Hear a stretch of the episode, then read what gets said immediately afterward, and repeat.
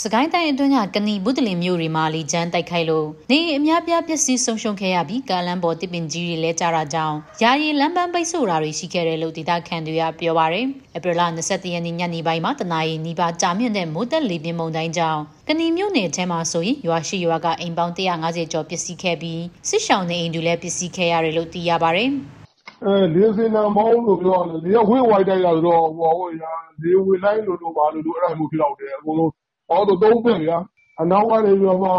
ဟိုအနောက်တောင်နောက်တောင်ကနေမှအခုအရှေ့တောင်ကနေတခါပြန်ပြီးအရှေ့တောင်ကနေပြီးတော့တိုက်နောက်ဆုံးတိုက်ချရတဲ့ဟာအဲ့အခုပေါင်းလာပဲအခုကျတော့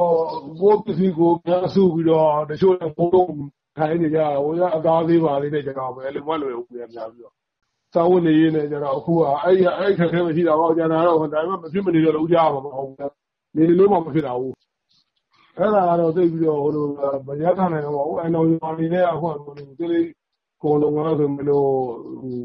အဲ့ဒါမှဘေးရွာတွေခိုင်းရတာဆိုတော့ခါကျတော့သူကတော့ဟိုလေပတ်မြဲလေပတ်နေမှာပဲဒါမှမဟုတ်ခုကအခုကသလေးခုံပိုင်ရှင်တွေကိန်းတွေတော့ကတော့ဟိုကညမဖြစ်မနေပြန်ပြီးတော့လည်းလက်လုံးနဲ့စားနေဟိုကတော့အများလုံးလိုရတဲ့လူကြတော့ဘယ်အဆင်ပြေမှာလို့ လီကျန်းတိုက်ခိုက်တာကြောင့်စကိုင်းတိုင်းအတွင်းကမြို့နယ်အများစုကကြီးရွာတွေမှာလည်းပျက်စီးတာတွေရှိခဲ့ပြီးစာလင်ကြီးမြို့နယ်မှာလည်းတစ်ပင်ကြီးတွေကြိုးကြပျက်စီးကကားလမ်းတွေပိတ်ဆို့နေတာကြောင့်ဒေသခံတွေပူပေါင်းရှင်းလင်းရတာတွေလည်းရှိတယ်လို့ဒေသခံတွေကပြောပါတယ်။15လုံးလောက်တော့ရှိပါဒုက္ခအောင်လမ်းဒုက္ခဒုက္ခအောင်လောက်အဲ့ဒီ15လုံးလောက်ကအိမ်မာကြီးတွေကအဲသူအချက်လိုက်ကြီးပါတော့တာတောင်ကစားတယ်မြောက်ကရောက်ခေါ်တာဆိုတော့ဟိုလေးဝေးသဘောမျိုးဖြစ်သွားတာဟုတ်ဟုတ်ကဲ့နော်ရွာနာနီးရဲ့ကာဝယ်ရေးအဖွဲ့တွေပေါ့နော် အဲ့ဒါကြီးအကုန်လုံး လာဝိုင်းကြပါတယ်အဲ့တော့အဲ့ဒီပိတ်တော်နဲ့စိတ်ဓာတ်ကအကုန်လုံး ပိတ်သွားတဲ့လောင်းတွေ ကျွန်တော်အဲ့ဒါညာလုံးညတစ်ခါလေးလုပ်ပြလိုက်တယ်အမင်းကြီးတွေ တော့လဲတယ်ကိုလဲတော့တာလေဆိုတော့လေးရတော့စီအောင်မူရောဓာတိကုန်းလည်း ပါလိမ့်တယ်